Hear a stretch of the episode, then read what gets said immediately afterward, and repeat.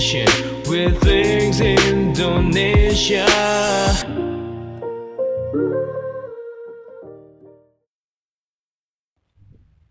Hi Linkers, welcome back to sharing session with Links VR Indonesia. Nah, di episode kali ini kita mau ngebahas tentang satu isu yang sejujurnya serius banget nih uh, di dunia uh, mental health, di dunia psikologi, di dunia medis kesehatan jiwa seperti psikiater juga. Uh, pokoknya di dunia medis kesehatan jiwa deh. Tentang kasus salah satu orang yang um, mengaku dirinya adalah dokter psikologi. Padahal dia um, tidak memiliki izin praktek dan lain sebagainya. Nah, di episode ini kita bakal ngomongin tentang ethical issues in psychology. Nah, kenapa sih dibikin jadi episode khusus? Nah, sebenarnya ini cuma ingin menambah informasi buat teman-teman untuk bisa tahu kalau kita mau cari bantuan itu ke siapa, kalau kita mau tahu tentang uh, informasi tenaga medis yang terdekat, Uh, itu kita bisa lihatnya di mana untuk tahu kredibilitas dia, ekspertis dia seperti apa, dan apakah dia memang orang yang tepat untuk kita minta bantuan, uh, terutama di kesehatan mental seperti itu. Nah, kenapa sih penting banget teman-teman untuk tahu ini? Ya, seperti kita sakit fisik, kalau kita pengen ke dokter, kita pasti cari track record dokternya kan. Kita juga pasti cari uh, dokternya udah praktek berapa lama, terus uh, dokternya juga prakteknya di mana saja, dia sudah menangani kasus apa, pasien apa aja, seperti itu. Pendidik mungkin kalau niat kita cari juga latar pendidikannya seperti apa.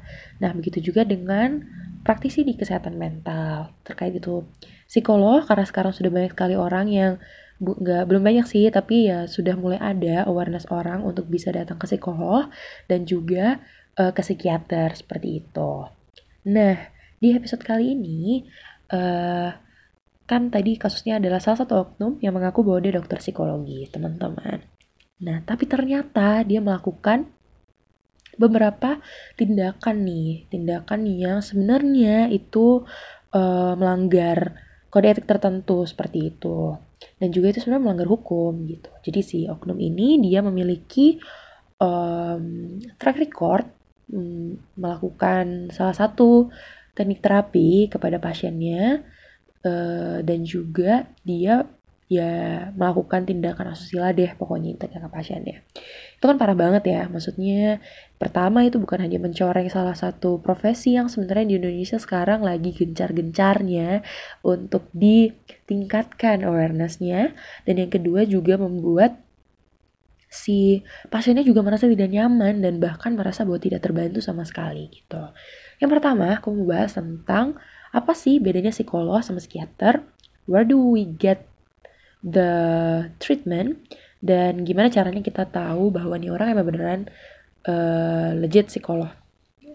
So first point, um, first point adalah bedanya psikolog sama psikiater apa? Simple, psikolog S1 psikologi, S2 magister profesi psikolog, psikiater S1 kedokteran umum, S2 spesialis kejiwaan.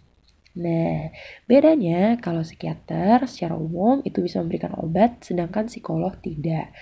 Terus berarti unggulan psikiater dong? Enggak juga, psikiater dengan psikolog itu bekerja sama untuk membantu kliennya gitu teman-teman. So, the process is, as far as I know, adalah dengan as far as I know dari latar belakang pendidikan itu juga adalah psikolog itu membantu untuk memberikan diagnosa, memberikan diagnosa dan ketika itu membutuhkan pertolongan medis maka kita akan approach psikiater seperti itu. Nah, kenapa sih harus latar belakangnya satu psikologi dan S2-nya itu harus magister profesi psikolog, lalu melanjutkan S3 ke doktor psikologi.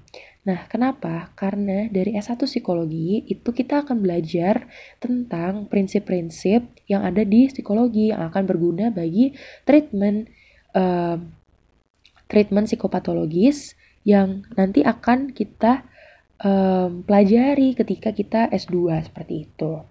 Nah, Makanya ketika si oknum ini mengatakan bahwa dia dokter psikologi, itu adalah salah satu hal yang menarik banget teman-teman. Karena ketika seseorang itu punya gelar dokter psikologi, berarti dia seharusnya pendidikan S1 dan S2-nya itu sejalan seperti itu. Dan dia pasti harusnya punya surat izin praktek seperti itu teman-teman. Nah kedua, gimana sih caranya kita tahu kalau ini orang yang beneran psikolog?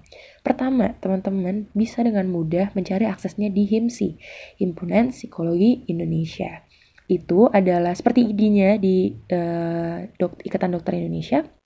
Teman-teman bisa tahu dia punya surat izin praktek itu berlaku sampai kapan, lalu dia berada di HIMSI wilayah mana, karena HIMSI mempunyai kurang lebih 10 wilayah ya kalau aku nggak salah. Tapi kalau salah ya teman-teman bisa cari. Pokoknya uh, teman-teman bisa cari apakah psikolog ini legit atau tidak gitu. Nah, terus teman-teman juga bisa lihat. Ya lihat saja Instagramnya. Sekarang psikolog itu mudah kok ditemui. Cari aja Instagramnya. Terus biasanya di Instagram mereka akan sharing mereka ikut pelatihan apa saja seperti itu. Nah kalau teman-teman tidak menemukan bisa juga mungkin cari di uh, ketik aja namanya di Google. Nanti mungkin dia pernah melakukan penelitian dan lain sebagainya. Teman-teman bisa track record.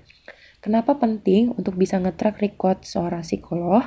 Karena sekali lagi kita berkecimpung di kesehatan mental dan ini adalah isu yang serius banget teman-teman. Teman-teman harus memastikan bahwa hmm, orang ini memang berada di bidang yang tepat dan orang ini bukan cuma apa ya, bukan ya seperti oknum yang baru-baru ini lagi melejit gitu. Yang ketiga, kenapa sih penting banget untuk kita uh, kenapa sih penting banget untuk kita bisa datang ke psikolog sekarang isunya mungkin psikolog itu mahal ya teman-teman tapi sekarang udah ada BPJS BPJS udah progres berusaha progresif untuk bisa ngecover tentang kesehatan mental untuk bisa ngecover di beberapa puskesmas. Tapi kita nggak bisa bungkiri bahwa psikolog klinis di Indonesia itu satu banding 300 ribu. Artinya, satu psikolog itu menangani 300 ribu orang sedikit.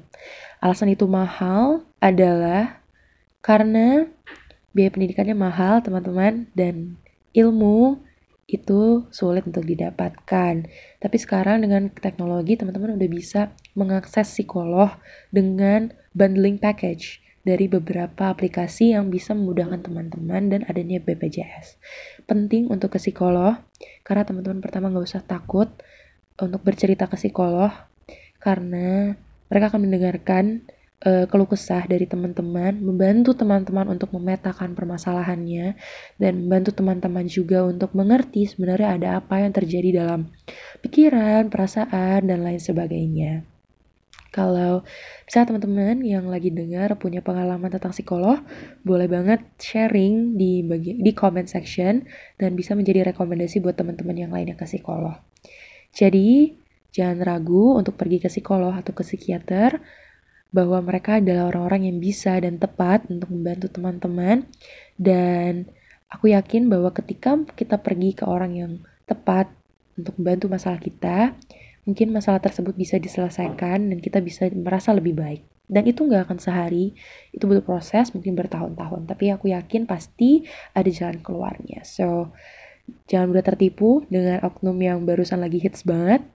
Aku berdoa semoga di Indonesia kita berdoa semoga di Indonesia tenaga kesehatan medis, kesehatan jiwa akan semakin lebih baik. On the next episode, we're going to discuss something that is very very serious and very crucial. Mungkin um, tidak sedikit nyambung dengan tema kita yang sekarang. Kita akan bahas tentang quarter life crisis dan apa sih quarter life crisis itu dan kenapa sih itu adalah fase yang is it a okay phase for us to face atau enggak? Thank you, listeners, and see you on the next episode.